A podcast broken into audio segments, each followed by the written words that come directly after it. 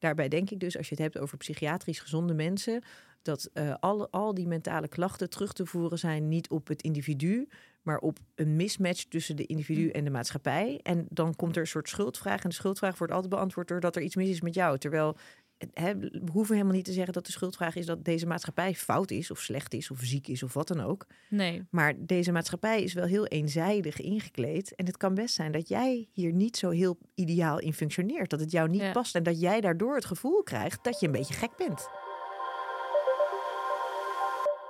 Welkom bij de Pearson Podcast. In deze podcast nemen we je mee in de wereld van diagnostiek en behandeling binnen de geestelijke gezondheidszorg. Ik ben Meerte Wildenbeest, psycholoog en productadviseur bij Pearson en ik interview professionals uit het werkveld om antwoord te geven op vele brandende vragen.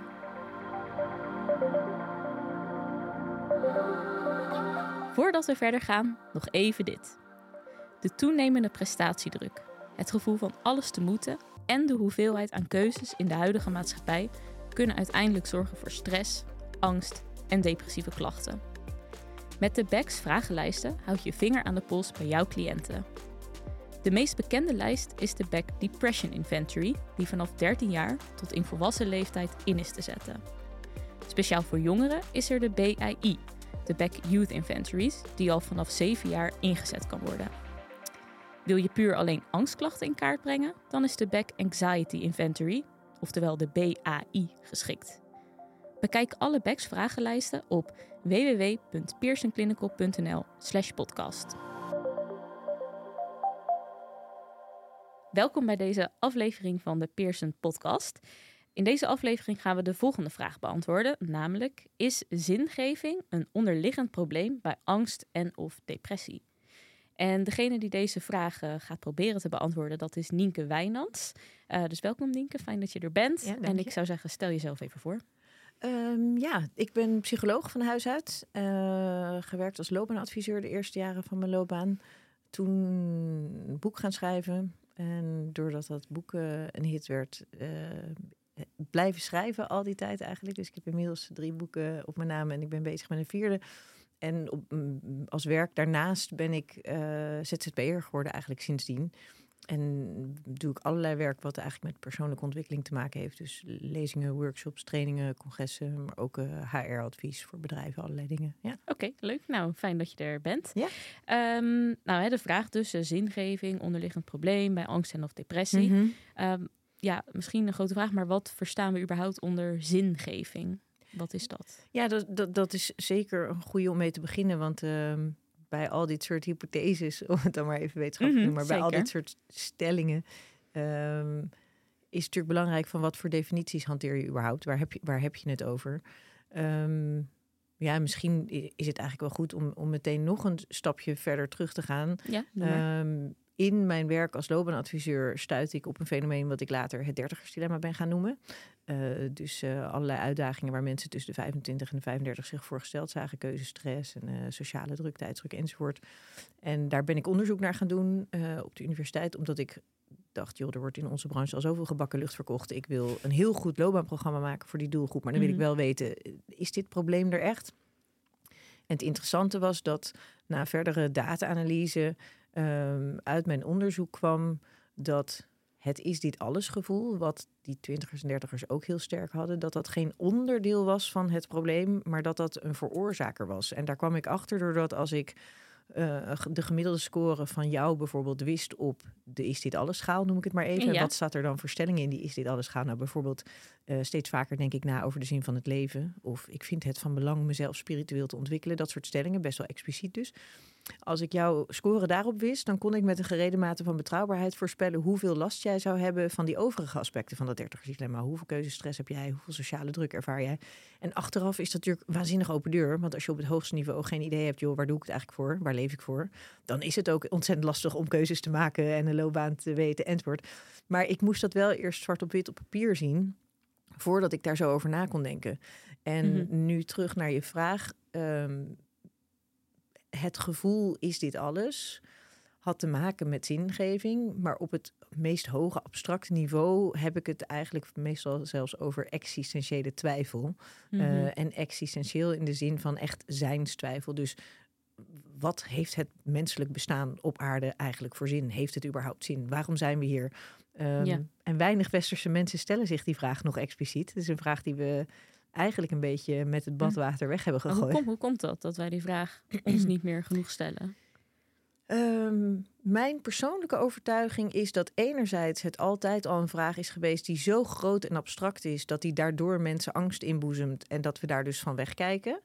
Eh, je hebt daar zelfs hele theorieën over. Eh, De Terror Management Theory van Beckett zegt alles wat wij doen als mensen in ons leven is erop gericht om maar te ontsnappen aan die ongemakkelijke werkelijkheid dat we doodgaan en dat we geen idee hebben waarom we hier eigenlijk zijn. Dus we zijn van alles druk aan het doen als mieren op deze planeet aan het rondkrioelen en heel interessant bezig met elkaar, omdat we maar niet willen denken aan het feit dat het misschien wel ophoudt en dat het misschien wel nergens toe dient. Nou, dat is, hè, dat is één theorie van iemand.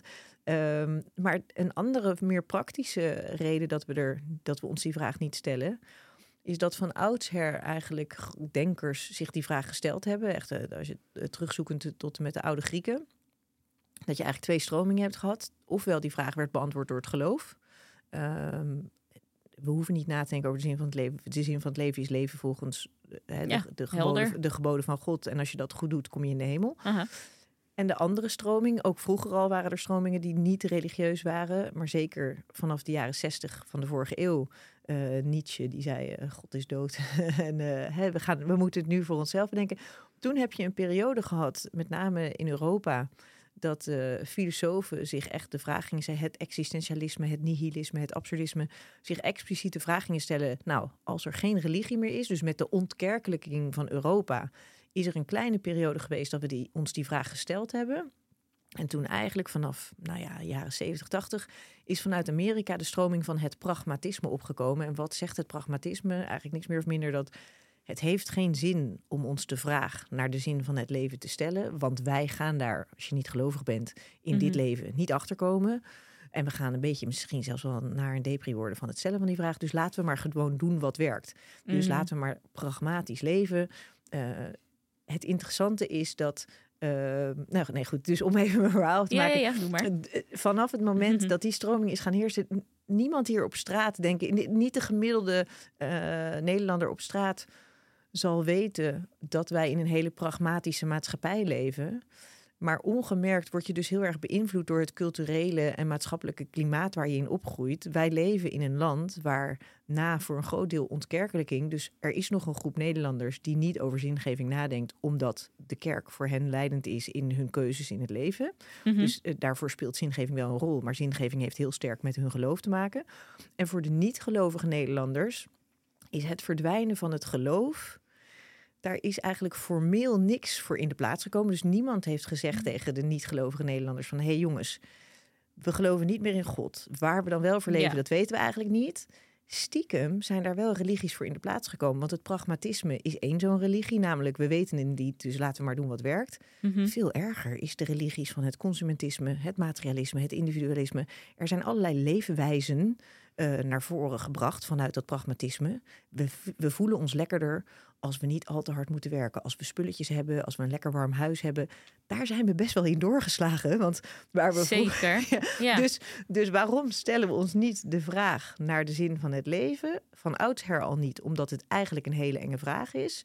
Maar tegenwoordig niet, omdat met het verdwijnen van godsdienst... eigenlijk de nieuwe westerse waarden en normen onze nieuwe religie zijn geworden. En dus we weten waar we voor leven. Ik leef voor die nieuwe iPhone, ik leef voor eh, die en die auto... ik leef voor drie keer op vakantie per jaar enzovoort. Dus mensen staan daar helemaal niet bij Nee. stil. Dus eigenlijk al die spullen, om maar even zo te noemen, dat leidt misschien gewoon wel heel erg af van waar het misschien om draait. Precies, hoef je die Ja. vraag niet te stellen. Want nee, ik ben, Ja. toch, ik ben toch lekker bezig. Ik ben Ja. op weg. Ik ben op weg naar hoogst mogelijk papiertje halen, best mogelijke Ja. baan, huisje, boompje, beestje, geld verdienen, want vakanties, want dit en dit. En uiteindelijk kun je aan al die mensen dus vragen, ja, oké, maar waartoe, waarheen, waarvoor? Nou ja, gewoon. eh, En als je dan doodgaat, dan, nou ja, dan heb ik een heel fijn leven gehad, want ik had al die. Ja, maar, maar dat is, eh, want dat heb ik wel eens gehoord van dat eh, als je ook vraagt ehm, aan mensen op hun sterfbed van, ja, wat, wat was nou, waar kijk je nou op terug? Ja, met, of met een goed gevoel terug op je Mhm. leven. Mhm. Ehm, en dan hebben ze eigenlijk nooit over eh, werk of promotie die ze hebben gemaakt. Of En al spullen. helemaal niet over materiële zaken. Nee, Nee, precies. maar Nee. meer juist over relaties met anderen inderdaad. Of eh, ja, tijd die je hebt doorgebracht met je gezin of familie, vrienden. Ehm, dus ja, dat, ja, ja. En heel vaak komt daar dus dan ook de spijt eh, naar voren in dat Ja. soort gesprekken. Want als je zegt ehm, eh, waar ze blij mee zijn, dan noemen ze die dingen. Maar dan zeggen ze stelselmatig dat ze daar dus te weinig tijd in hebben gestopt. En dan Mhm. vraag je je dus af waarom. Nou ja, omdat ze zich niet vooraf, ergens eerder in het leven, hebben gevraagd: waar wil ik eigenlijk voor leven? Want het interessante is dat, ook al is er geen antwoord op de vraag naar de zin van het menselijk bestaan, Mhm. dan nog kun je daarna natuurlijk proberen te accepteren dat jij in jouw leven de zin misschien niet gaat vinden. Maar dat maakt eigenlijk je ervaren vrijheid nog veel groter dan je in de moderne westerse tijd denkt. I- iedereen denkt ik ben helemaal vrij. Maar eigenlijk ben je, zit je best wel gevangen in de materiële, consumentistische, pragmatische dwangbuis. In het systeem. Precies, maar ja, weet je. Dus, Mm. j- en, en het interessante is, mensen voelen bij bepaalde periodes in hun leven wel dat het schuurt, dat het wrijft, dat het knaagt, dat ze niet helemaal happy zijn. En heel vaak wordt dan toch de oplossing op een net iets te oppervlakkig niveau gekozen in, ja, toch nog een derde kind, scheiden van deze partner, toch verhuizen uit de Randstad of juist verhuizen naar de stad. Ehm, omdat dat is zo diep als mensen denken dat het gaat. Ehm, in loopbaanadvies had ik ook altijd eh, jonge mensen die dan zeiden van ja, ik, ik, ik vraag me zo af, zal ik nou die MBA gaan doen? En dan zei ik, ja, waar, waar jij volgens mij last van hebt, is gewoon existentiële vraagstukken. Dus jij moet je gewoon zingevingsvragen. Kijk, mensen, mijn existent, wat is mevrouw, waar heeft u het over? Ja. Ik ben loopbaanadviseur, ik kom hier om te weten of ik die MBA moet gaan doen. En zei ik, laten we het omdraaien. Als jij jezelf iets langer dan een seconde dwingend de existentiële vraag stelt, dan weet jij of jij die MBA moet gaan doen. Het is toch een belediging van jouw eigen intellect en persoonlijkheid en leven dat ik jou moet gaan vertellen, moet jij die MBA gaan doen of niet? Ik zei, als jij nadenkt over de zin van het leven, hoe vaag en abstract dat voor jou op je 27 ook klinkt, dan weet ik dat jij eruit komt met van binnenuit de drive, ga ik die MBA doen of juist niet? Ja, dat is een goede vraag om eigenlijk terug te leggen bij iemand. Ja, ja. ja.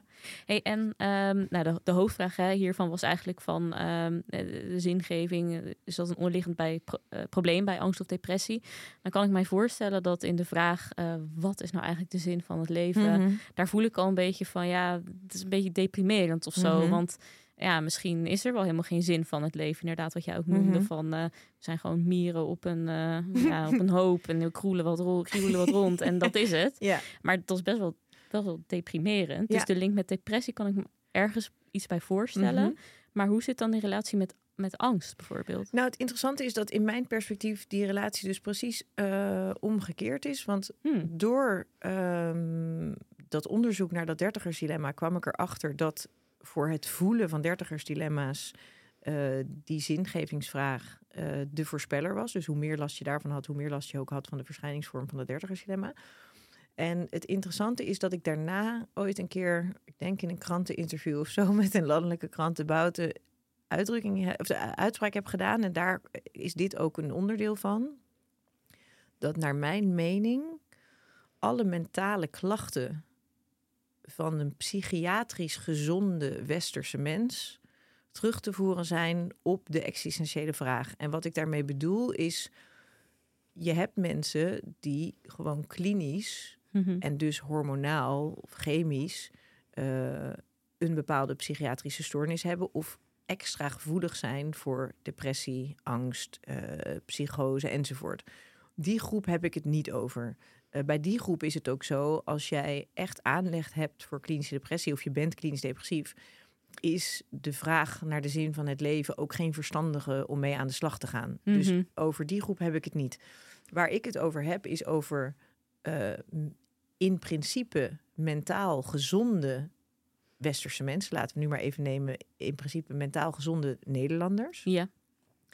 Die zich dus presenteren bij bijvoorbeeld de huisarts of bij vrienden gewoon heel eh, laagdrempelig. Met angstklachten, depressieklachten, burn-out, eh, stress. Daarvan heb ik dus op een gegeven moment gezegd: al die klachten, allemaal, je kan maak, maak het maar zo gek als je hebt. eh, daag mij maar uit en, en ontkracht mijn, mijn overtuiging maar, mijn stelling maar. alle mentale klachten van de westerse met uh, klinisch gezonde mens, uh, psychiatrisch gezonde mens, komen voort uit die zingevingsvraag. En um, hoe bedoel ik dat? Ja. Um, steeds vaker dienen mensen in het Westen zich aan bij de psychiatrie met uh, klachten die ze of zelf of ook soms wel de hulpverlening scharen onder burn-out, angststoornis, uh, depressie um, enzovoort. Waar ik zeker weet dat het iemand betreft die klinisch gezond is, maar die dus in een eerder stadium niet heeft nagedacht over. Hmm, Oké, ik woon in Nederland. De norm hier is zo hoog mogelijk papiertje halen, zo goed mogelijke baan, zoveel mogelijk geld verdienen omdat je een, een, koophuis moet hebben en drie keer per jaar op vakantie, waarvan één keer wintersport. Zo iemand is dus vastgelopen en die presenteert zich dus met stressklachten of angstklachten of een burn-out. Waarvan ik zeker weet als deze persoon uh, de ruimte had gekregen en had kunnen nemen om zich uh, vijf jaar ge geleden de vraag te stellen van joh, wat vind ik daar eigenlijk van? Uh, leuk dat we hier leven in een heel pragmatisch, consumentistisch, materialistisch klimaat, maar zo zit ik eigenlijk helemaal niet in elkaar. Voor mij hoeft het eigenlijk allemaal niet zo nodig. Als ik mm -hmm. gewoon maar niet anderen tot last ben en niet continu mijn handje op hoef te houden, maar gewoon mijn basis kan, uh, mijn basisinkomen heb waarvan ik kan leven, dan vind ik het eigenlijk veel belangrijker om het te focussen op puntje, puntje, ik noem maar wat. Of nog minder materialistisch. Um, ik wil eigenlijk zo min mogelijk bezittingen. Ik word heel gelukkig van consuminderen. Ik merk dat alle materiële ballast mij alleen maar ongelukkig maakt enzovoort. En het interessante is dus wat je ziet bij al die klachten, angstklachten, uh, depressieklachten, uh, burn-out verhalen, dat mensen te lang zijn doorgegaan met gedrag of coping in een omgeving die niet goed voor ze was. Waarbij ze de schuld bij zichzelf zijn gaan leggen en ook de vraagtekens zijn gaan leggen bij hun eigen psychische gezondheid, zeg maar. Dus ja. zijn gaan denken: ik ben dus heel angstig, want ik, ja, ik ga met steeds grotere knopen in mijn maag naar mijn werk. Of ik ben de enige mm. van mijn vriendengroep die niet, enzovoort. Dus um, het klopt dat er iets niet goed zit. Maar in plaats van na te denken dat het misschien wel eens de buitenwereld of de westerse of zelfs de Nederlandse manier van leven zou kunnen zijn die jou ziek maakt, uh, mm. leggen mensen de oorzaak bij zichzelf en denken: ik, ik, ben, er is iets niet oké met mij. Ik ben niet normaal. Ik ben gestoord, even, even heel uh, gechargeerd gezegd. En die gaan hulp zoeken vanuit hun klachten. Maar hun klachten komen voort uit het feit dat zij niet in de, in de Nederlandse mal van dit moment passen. Ze zijn niet materialistisch, of ze zijn niet prestatiegericht, of ze zijn niet pragmatisch, of ze zijn niet consumentistisch of individualistisch. Mm -hmm. En eh, we, er, we missen, die, die mensen missen bijvoorbeeld uh, tegenover individualisme staat uh, saamhorigheid, maatschappelijke saamhorigheid, veel meer met andere mensen samen doen. Er zijn heel veel mensen eenzaam in de huidige maatschappij. Ik probeer dus eigenlijk daarmee te zeggen dat uh, wanneer je die stelling neemt, zingeving ligt een grondslag. En dan is dus eigenlijk een gebrek aan zingeving of niet nagedacht hebben Ja, over precies. zingeving Ja. ligt een grondslag aan angstklachten en, en depressieklachten. Daarbij denk ik dus, als je het hebt over psychiatrisch gezonde mensen, dat eh, al, al die mentale klachten terug te voeren zijn niet op het individu, maar op een mismatch tussen de individu en de maatschappij. En dan komt er een soort schuldvraag. En de schuldvraag wordt altijd beantwoord doordat er iets mis is met jou. Terwijl we hoeven helemaal niet te zeggen dat de schuldvraag is dat deze maatschappij fout is, of slecht is, of ziek is, of wat dan ook. Nee. Maar deze maatschappij is wel heel eenzijdig ingekleed. En het kan best zijn dat jij hier niet zo heel ideaal in functioneert. Dat het jou niet Ja. past. En dat jij daardoor het gevoel krijgt dat je een beetje gek bent. Ja, terwijl dat eigenlijk niet per se aan de hand is, maar het is gewoon, jij past de mal niet die Ja. zogenaamd wordt Nee, voorgeschoteld waar het je is in voor moet jouw passen. mentale gemoedstoestand Nou. niet de beste omgeving. Ja, precies. Ja, en ehm, ik voel, want je noemde het eigenlijk, hè, de, de, in de GGZ, daar komen ook steeds meer ehm, ja, mensen met dit soort mentale Klachten. klachten. Ja, ja. Eh, en je noemde ook van, ja, eigenlijk eh, zouden zij dus al eerder een soort van die ruimte moeten krijgen om die existentiële levensvraag dan te beantwoorden. Hoe creëer, hoe creëer je die ruimte? Ja, kijk, als ik heel idealistisch nadenk, dan zit dat dus voor mij al in. ehm, dan is dat een politieke vraag. En dan zit dat bijvoorbeeld al in onderwijs. Want we, Hmm. zijn, we zitten. eh, die prestatiegerichtheid zit er vanaf zo jong in. Ehm, er zijn bepaalde dorpen, steden, wijken in Nederland waarbij als je geen VWO-advies hebt, dan is er echt iets mis en dan gaan de ouders op hoge poten naar, naar de schoolleiding. Terwijl uh, A, nou goed, ik hoef niet uit te leggen, denk ik, aan de luisteraars van deze podcast, ik denk, wat, daar mis, wat daar mis mee is. Daar is namelijk op zoveel niveaus iets mee mis. We hebben gelukkig tegenwoordig iemand uh, die zich hard maakt voor de mbo'ers. Robert Dijkgraaf is daarmee bezig. En we proberen ook niet meer te praten over lager opgeleid en hoger opgeleid mm enzovoort. Maar los daar, het, het, gaat dus om diversiteit. We hebben allerlei soorten mensen nodig, maar de prestatiedruk die dus vanaf de prille jeugd al wordt opgelegd door de zonnetjes en de maandjes die je krijgt toegewezen als je wel of niet goed kan lezen of rekenen of weet ik wat. Het interessante is dat het onderwijs is ontzettend gericht op je moet leren lezen, je moet leren schrijven, je moet leren rekenen. Waarom is er niet uh, geschikt naar leeftijd aandacht voor hoe leef je samen met elkaar? Hoe maak je keuzes? Hoe voel je je? Ehm, het interessante is in kleuterklassen, er zijn nog steeds basisscholen in Nederland waar gewoon iedere week, hè, want in een kleuterklas stroom je in op basis van je verjaardag, dus je wordt vier en dan uh, mag je daar naar binnen.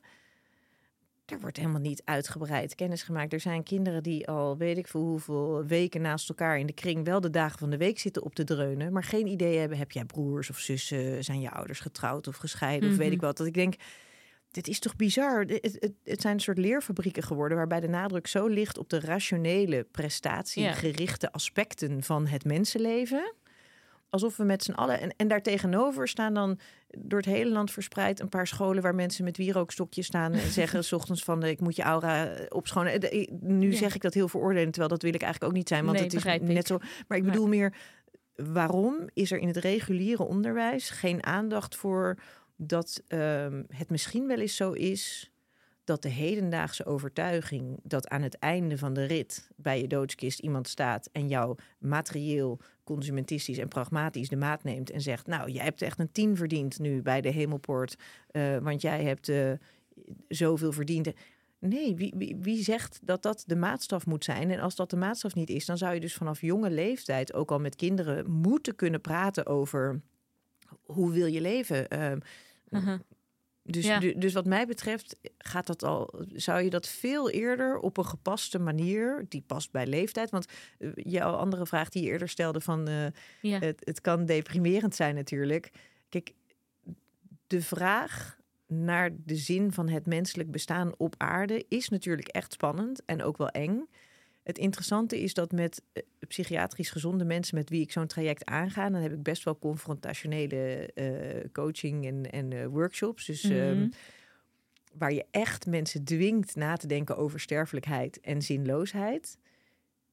100% van de deelnemers aan dat soort programma's komen eruit zeggende dat ze nog veel gemoot... Dat ze eigenlijk een soort van zeggen van... nou, ik vind mezelf eigenlijk een beetje debiele halleluja high hebben op dit moment. Want ik word s ochtends echt wakker en ik denk echt yes, het leven is een wonder en ik mag het meemaken. Want ik had toen ik, ik heb een boek geschreven over die existentiële twijfel. Ja, ja. En toen ik dat schreef, dacht ik ook van, oh ja, je had lang geleden De Slijden der Jonge Werters. Dat was zo'n boek wat voor een soort zelfmoordgolf in Duitsland heeft gezorgd destijds. Ik dacht, dat moet ik natuurlijk niet hebben. Oh moet niet, als ik een boek ga schrijven over de existentiële vraag en, en, ik beweer dat er geen antwoord is. Ja, misschien triggert het mensen. Precies. Om, uh, ja. Nou, het interessante is dus dat het tegendeel waar is gebleken. Zolang je maar psychiatrisch gezond bent, blijkt dus dat wij leven al in een maatschappij waarin we denken dat we heel modern zijn en dat we vrij zijn en dat we zelf onze keuzes kunnen maken. Mm. Maar zeker bij jonge, zelfbewuste mensen blijkt dat als je die laatste sluier van, nou ja, eigenlijk beïnvloeding eraf haalt, door te zeggen van nee, je bent namelijk nog veel vrijer, want toevallig woon jij nu in Nederland en daar heerst het consumentisme, pragmatisme, materialisme en individualisme.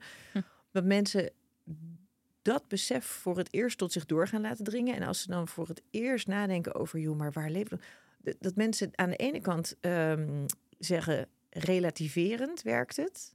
Als in de big picture het allemaal geen enkele zin heeft, stel dat dat zo is, dan maakt het dus eigenlijk ook niet uit. En dan is falen dus ook niet zo erg. dan is er dus ook geen foute keus. Dus relativerend is één ding. Ja.